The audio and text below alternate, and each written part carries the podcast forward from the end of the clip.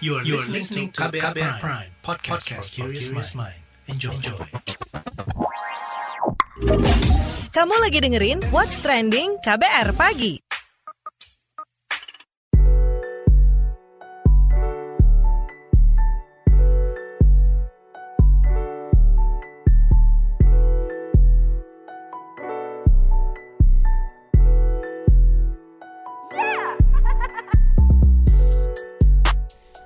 Pagi, siaran pagi radio paling update. Selamat pagi, apa kabar Anda hari ini di hari Senin 19 April 2021? Ketemu lagi dengan saya Don Brady di What's Trending KBR Pagi yang selalu ngobrolin hal-hal yang lagi ramai diperbincangkan.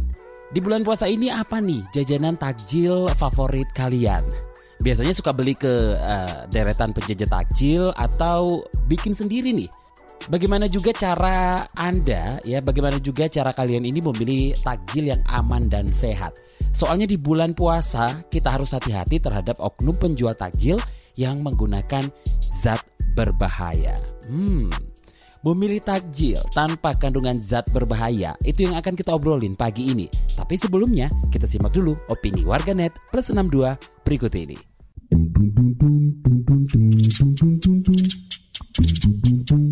Pertama ke akun @joko Anwar, banyak makanan berbuka atau takjil didapati mengandung formalin, boraks dan sebagainya. Lanjut ke akun Dedista. Kok bisa kecolongan hal itu lagi? Akun @vera Orin.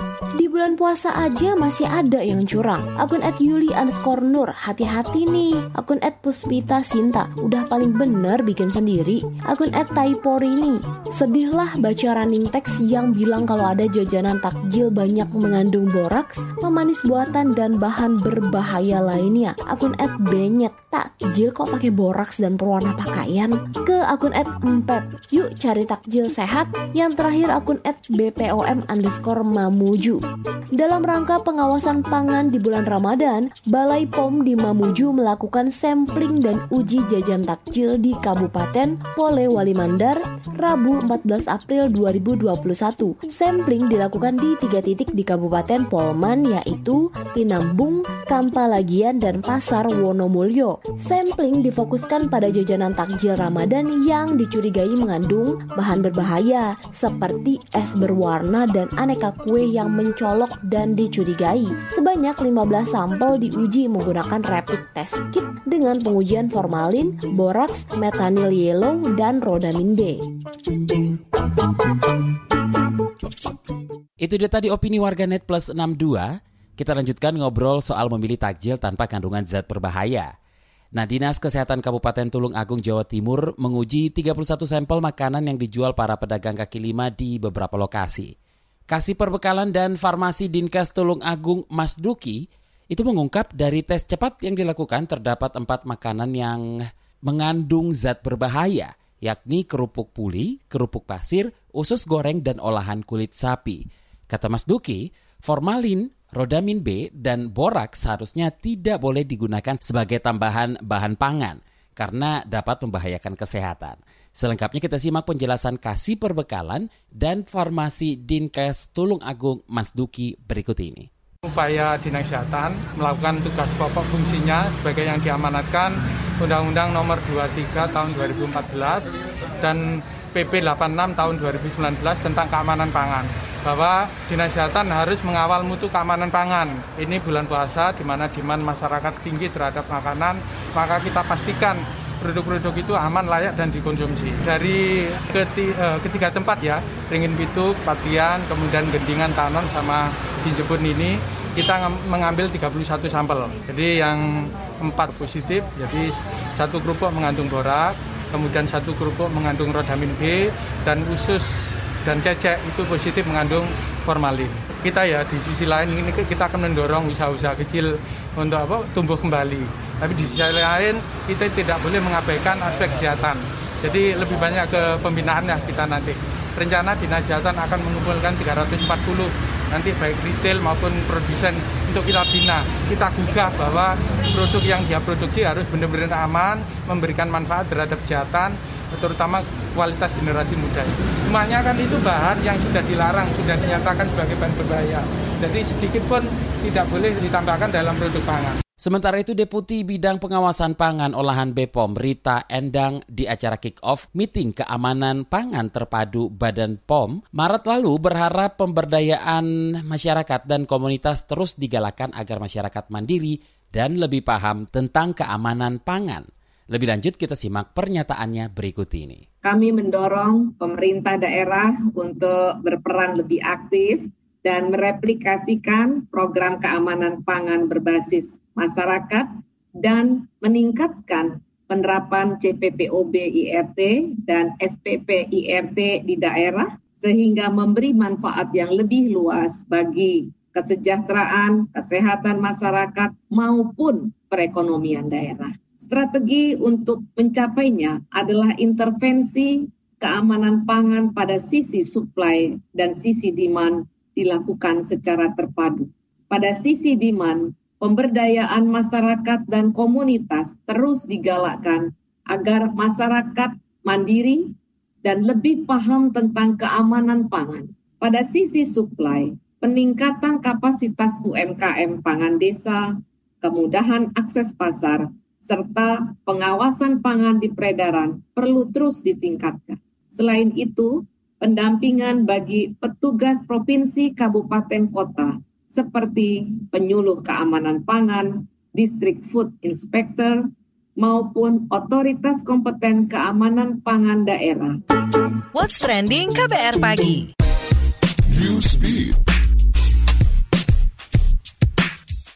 Direktur Jenderal Organisasi Kesehatan Dunia WHO, Tedros Adhanom Ghebreyesus menyebut keadaan COVID-19 mengkhawatirkan karena kasus global melonjak drastis. Selama dua bulan terakhir, kasus global meningkat hingga dua kali lipat. Sementara itu, salah satu produsen vaksin COVID-19 terbesar di dunia, India menunda pengiriman vaksin akibat peningkatan kasus. India saat ini fokus untuk memenuhi pasokan vaksin COVID-19 di negaranya. Sekitar 60% pasokan vaksin di dunia berasal dari India. Melalui Serum Institute of India, ia pun menjadi salah satu pemain utama aliansi COVAX.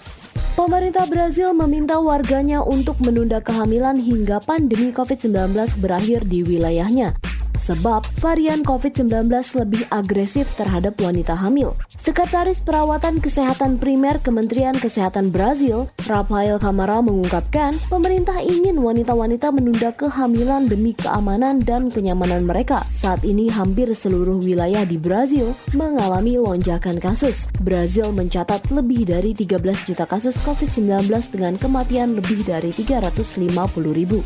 Ji Chang-wook dan Hwang In-yop akan bermain drama Korea terbaru bertajuk The Sounds of Magic. Hal ini diumumkan pihak Netflix, di mana drama ini diangkat dari webtoon berjudul Anara Sumanara karya Ha Il Kwon. Drama The Sound of Magic menceritakan soal siswi sekolah menengah bernama Yu Ah Yi yang berjuang mencukupi kebutuhan hidup bersama seorang adik perempuannya. Ia pun bertemu dengan pesulap aneh yang diperankan Ji Chang-wook bernama Leo. Sementara itu, Wang In-yop yang terkenal berkat perannya sebagai Han So-jun di drama True Beauty pun akan memerankan karakter siswa menengah yang sulit bersosialisasi. Namun, hingga saat ini belum ada kepastian terkait tanggal rilis drama ini.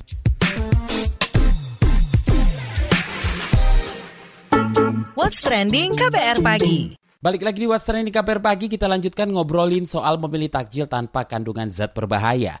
Nah lalu apa yang bisa dilakukan konsumen? Kita obrolkan bareng Ketua Pengurus Harian YLKI Tulus Abadi. Oke, Mas Tulus, bagaimana ini tanggapan Anda terkait adanya makanan-makanan atau takjil yang mengandung zat berbahaya? Ya, pertama ketidaktahuan dari masyarakat yang menggunakan itu karena dianggap hal yang lumrah selama ini ya seperti pewarna buatan ya borak dan segala macam itu kan selama ini dianggap hal yang biasa gitu dan itu ironisnya kan memang susah pengawasan karena dilakukan oleh rumah tangga, ya, bukan oleh pedagang-pedagang yang resmi ataupun yang berizin. Kedua, memang perlu pengawasan yang lebih ketat dari pemerintah daerah, khususnya dinas kesehatan, dan juga edukasi. Tetapi ini kan pedagang-pedagang yang sifatnya tiban ya, atau dadakan, dia hanya berdagang hanya saat bulan puasa saja, dan setelah itu dia tidak berjualan yang menjadi agak susah di dalam pengawasan. Nah, selama ini bagaimana pengawasan dari pemerintah? Sudah optimalkah? Dan apa yang masih jadi celah sehingga setiap tahunnya kasus seperti ini ditemukan? Agak susah dan bahkan mungkin pemerintah daerah juga tidak melakukan pengawasan karena sifatnya kan mereka pedagang-pedagang kecil, bahkan sangat kecil. Ya, jadi pengawasannya bukan hanya saat kejadian saja, tapi juga mestinya edukasi kepada kelompok-kelompok rumah tangga melalui dasa wisma atau melalui RT RW terkait dengan fenomena-fenomena itu khususnya di daerah-daerah yang kemungkinan apa banyak pedagang kecil, pedagang dadakan atau kemudian kelompok-kelompok rumah tangga yang suka berdagang itu. Kan RT RW punya data ya, punya pengetahuan terkait dengan kelompok masyarakat mana yang sekiranya berdagang gitu. Kalau mengandalkan pengawasan yang sifatnya formal dari dinas kesehatan ataupun yang lainnya saya kira terlalu besar ininya ya hingga sangat saya yakin dinas kesehatan tidak akan mampu melakukan sampai ke level itu.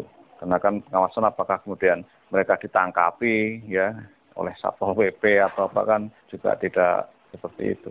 Apalagi yang sifatnya hanya kecil-kecil begitu. Nah, bagaimana posisi konsumen di saat tak dapat mengetahui bahan yang digunakan produsen dan tak bisa menuntut kerugian yang ditimbulkan? Ya, konsumen memang juga sebenarnya punya self control ya. Artinya konsumen juga harus punya kontrol mandiri terhadap barang yang dijual itu. Ketika dia membeli makanan atau khususnya minuman di pinggir jalan yang kemudian warnanya sangat mencolok dengan harga murah, ya mestinya konsumen harus berpikir ini sehat atau tidak. Itu kalau konsumen punya perspektif terhadap kualitas dari makanan atau minuman yang dia beli. Tapi kalau kemudian hanya faktor daya beli, ya itu menjadi persoalan berikutnya. Nah, kalau bicara soal kerugian, ini kan kerugiannya memang tidak langsung ya.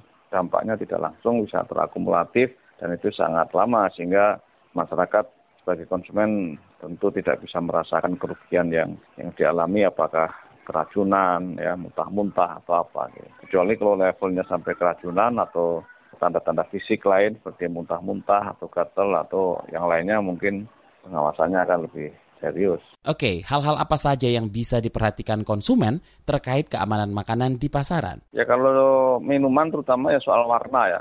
Kalau warnanya terlalu ngejreng, terlalu mencolok, apakah terlalu kuning, terlalu merah, atau terlalu apa lagi, itu artinya ada sesuatu yang masalah yang harus diperhatikan. Atau juga rasanya terlalu manis. Jadi kalau terlalu manis dia bisa kita sebut sebagai menggunakan gula biang ya. Seharusnya tidak dipakai untuk diminum sehingga itu sangat berbahaya bagi orang-orang yang punya penyakit gula ataupun ya secara keseluruhan juga tidak sehat bagi kita kalau dikonsumsi apalagi saat berbuka puasa.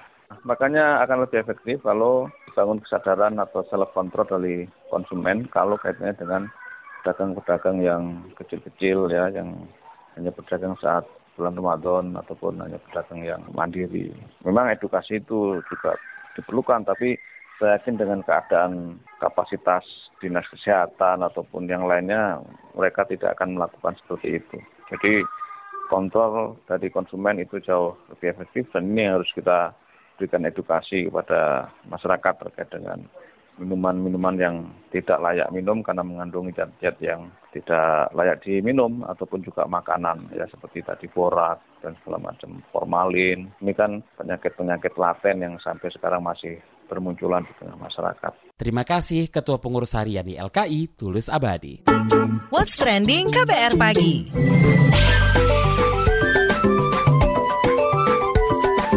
WhatsApp Indonesia. WhatsApp Indonesia dimulai dari Malang, Jawa Timur. Sejumlah aktivis lingkungan dari 15 organisasi dan komunitas mendeklarasikan puasa sampah plastik di depan Balai Kota Malang, Jawa Timur Kamis lalu. Mereka menuntut pemerintah Kota Malang menyediakan layanan pengolahan sampah mulai dari tingkat rumah tangga. Mereka juga mendesak Pemkot mengeluarkan peraturan daerah yang melarang penggunaan sampah plastik sekali pakai. Koordinator Aksi Puasa Plastik Alvin mengatakan pengendalian penggunaan plastik harus segera dilakukan. Ini menyusul adanya penelitian komunitas NP Green Society UIN Maulana Malik Ibrahim Malang yang menyebut Kali Brantas telah tercemar limbah yang berasal dari sampah plastik. Kata Alvin, setiap hari sekitar 2000 ton sampah asal Malang mengalir ke Kali Brantas. Para aktivis meminta Wali Kota Malang, Sutiaji, menjadikan bulan puasa sebagai momentum untuk berpuasa membuang sampah plastik ke sungai.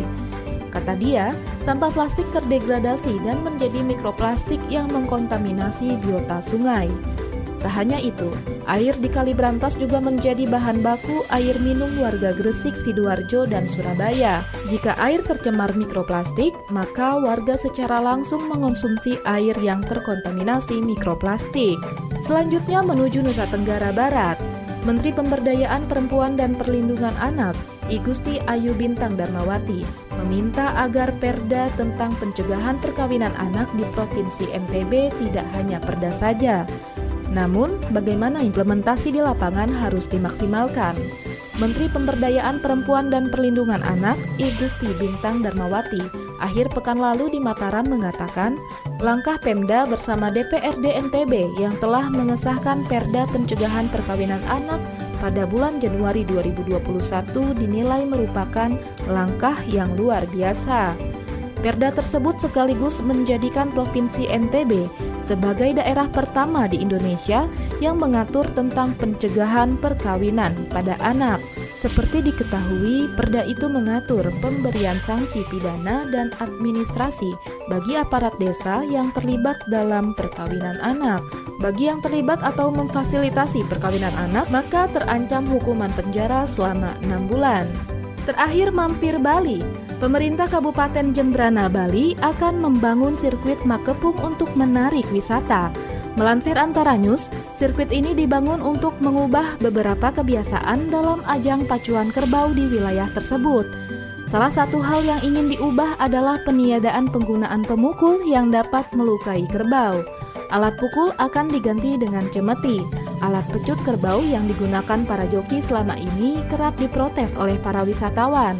Sirkuit baru ini pun akan dibangun di Desa Pangembangan dengan menggunakan objek wisata atraksi terpadu dengan pementasan degok serta lomba layang-layang. Tempat wisata ini mengusung tema All in One. Desa ini dipilih karena cocok untuk dikembangkan dan memiliki pemandangan laut yang menarik. Pembangunan tempat wisata ini diharapkan dapat membangun perekonomian warga setempat nantinya dengan membuka warung kuliner. Demikian WhatsApp Indonesia hari ini.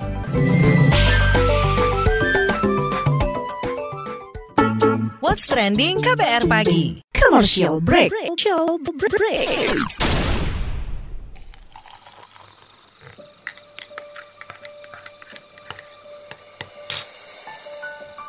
Hai, kamu apa kabar? Masih suka menikmati senja dan kopi? Aku masih ingat kebiasaan kita. Sehabis pulang kerja, selalu mencari tempat untuk sekedar ngobrol dan ngopi. Tapi kadang kita kehabisan bahan obrolan. Aku masih melakukan hal yang sama sampai sekarang tanpa harus takut habis bahan buat ngobrol. Karena aku selalu mendengarkan KBR sore dari Senin sampai Jumat jam 4 sore. Ah, aku rindu. KBR Inspiratif Terpercaya. What's Trending KBR Pagi. Untuk segmen terakhir kita akan putarkan podcast Al-Quran dalam jelajah arkeologi. Ada yang kangen gak sih dengan suasana bulan Ramadan di Tanah Suci? Atau ada yang belum bisa melaksanakan umroh dan haji sejak pandemi COVID-19? Untuk mengobati rindu kalian, episode kali ini kita akan mendengarkan Makom Ibrahim mengaji artefak arkeologi.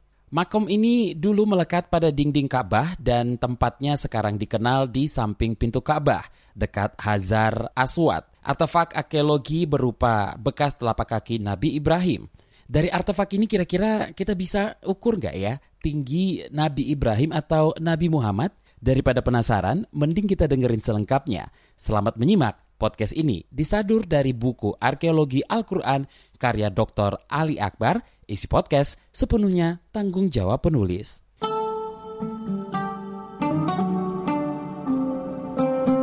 Al-Quran dalam jelajah arkeologi.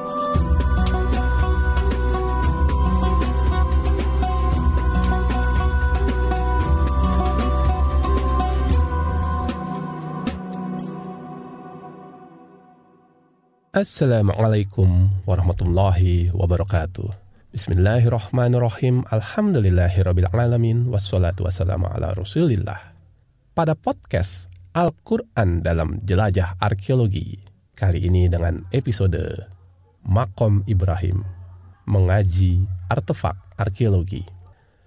Nabi Ibrahim alaihissalam disebut beberapa kali dalam Al-Quran, salah satunya ketika bersama anaknya, yakni Nabi Ismail alaihissalam membangun Ka'bah atau rumah Allah. Sementara itu Nabi Muhammad SAW merupakan anak cucu Nabi Ibrahim.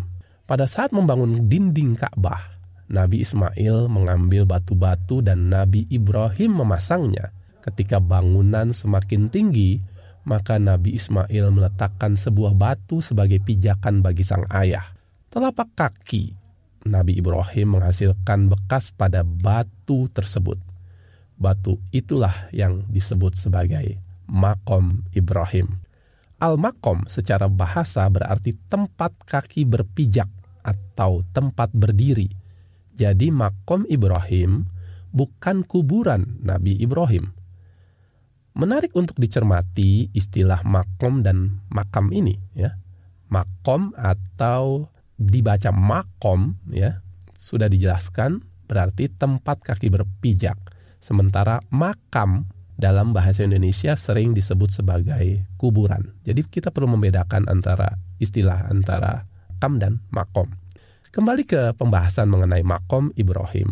Dalam buku tafsir Ibnu Katsir disebutkan bahwa Ibnu Abi Hatim meriwayatkan dari Jabir, dia menceritakan tentang haji Nabi Muhammad SAW.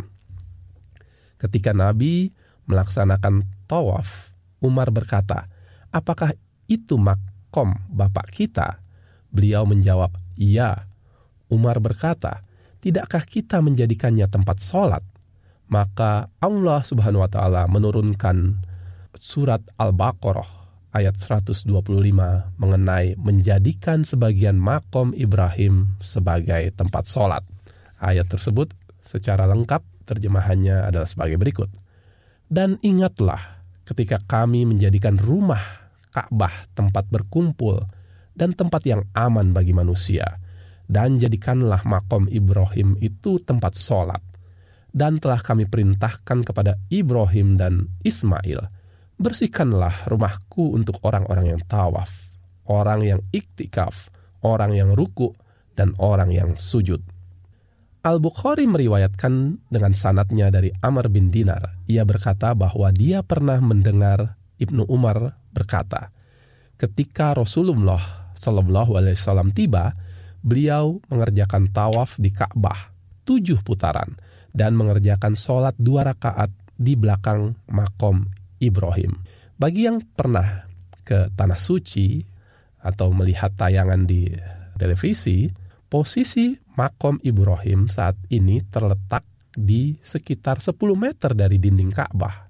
Sehingga saya sendiri pernah mendengar pembicaraan waktu di Arab Saudi ketika tawaf, ada yang bertanya, berapa tinggi Nabi Ibrahim sehingga dari tempat berdirinya dapat menjangkau dinding Ka'bah yang jaraknya sekitar 10 meter tersebut. Dalam buku tafsir Ibnu Katsir dijelaskan proses pembangunan Ka'bah. Nabi Ibrahim dan Nabi Ismail ketika selesai membangun di satu sisi berpindah ke sisi yang lain. Setiap berpindah ke sisi yang baru, maka batu pijakan pun ikut dipindahkan. Pada sisi terakhir, Nabi Ibrahim tetap meletakkan makom pada dinding Ka'bah yang terakhir dibangun. Ibnu Katsir berkata, dahulu makam ini melekat pada dinding Ka'bah dan tempatnya sekarang dikenal di samping pintu Ka'bah dekat Hajar Aswad, sebelah kanan bagi orang yang hendak masuk melalui pintu di sebuah tempat terpisah di situ. Abu Bakar Ahmad bin Ali bin Al-Husain Al-Baihaqi meriwayatkan dari Aisyah makam itu pada masa Rasulullah dan pada masa Abu Bakar melekat pada Baitullah, pada Ka'bah. Kemudian Umar bin Khattab memundurkannya. Nah, Umar bin Khattab ini adalah ya, beliau adalah salah seorang yang Rasulullah katakan, "Ikutilah dua orang setelahku, Abu Bakar dan Umar." Demikian hadis riwayat At-Tirmizi. Semua orang mengikuti perintah Khalifah Umar mengingat turunnya ayat mengenai makom Ibrahim merupakan gagasan beliau. Hadis di atas juga menunjukkan keutamaan Khalifah Umar. Beberapa sumber menyatakan pada periode Khalifah Umar jumlah umat Islam semakin banyak. Untuk memperlancar umat yang tawaf dan umat yang sholat di belakang makom, maka letak makom pun dipindahkan. Dalam buku tafsir Ibnu Katsir disebutkan bekas kedua telapak kaki Nabi Ibrahim yang tanpa alas kaki tersebut masih nampak jelas bagi orang Arab zaman jahiliyah. Sahabat Nabi Muhammad Anas bin Malik melihat telapak kaki lengkap dengan jari jemari Nabi Ibrahim. Namun bekas itu kemudian hilang karena terlalu sering disentuh tangan orang. Muhammad Ilyas Abdugani juga menulis mengenai makom Ibrahim ini. Ia menyatakan ya, sahabat Jaham ibn Huzaifah al-Kursi berkata, Sungguh aku tidak pernah melihat sesuatu yang mirip seperti miripnya telapak kaki Nabi Sallallahu Alaihi Wasallam dengan telapak kaki Ibrahim yang kami lihat di makom. Sementara itu dalam hadis riwayat Bukhari, Nabi Muhammad SAW pernah bersabda, Aku ini menyerupai anak Ibrahim. Nah, para peneliti seperti Tahir Al-Kurdi pernah mengukur panjang telapak kaki tersebut, yakni 22 cm dan lebar 11 cm. Bekas-bekas jari-jari kaki tidak terlihat lagi ya. Jadi itu ukuran tadi tidak termasuk jari-jari kaki karena makom dahulu berada di tempat terbuka dan sering disentuh orang. Makom Ibrahim masih dapat kita saksikan saat ini. Batunya ditutup dan dilindungi dengan pengaman dari rangka logam. Artefak arkeologi berupa bekas telapak kaki ini menjadi bukti ukuran telapak kaki dan perkiraan tinggi Nabi Ibrahim, yakni kurang lebih sama dengan orang-orang zaman sekarang. Demikian pula halnya dapat diperkirakan ukuran telapak kaki dan tinggi Nabi Muhammad Sallallahu Alaihi Wasallam. Wallahu alam. Assalamualaikum warahmatullahi wabarakatuh.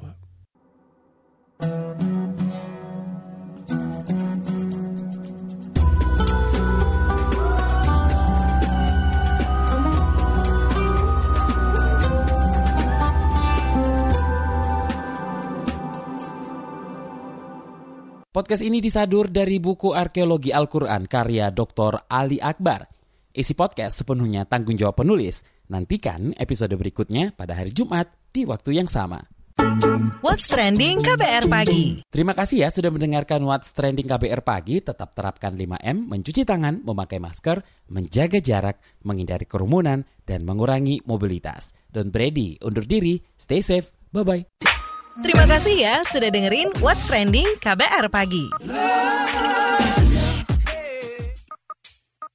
KBR Prime, cara asik mendengar berita.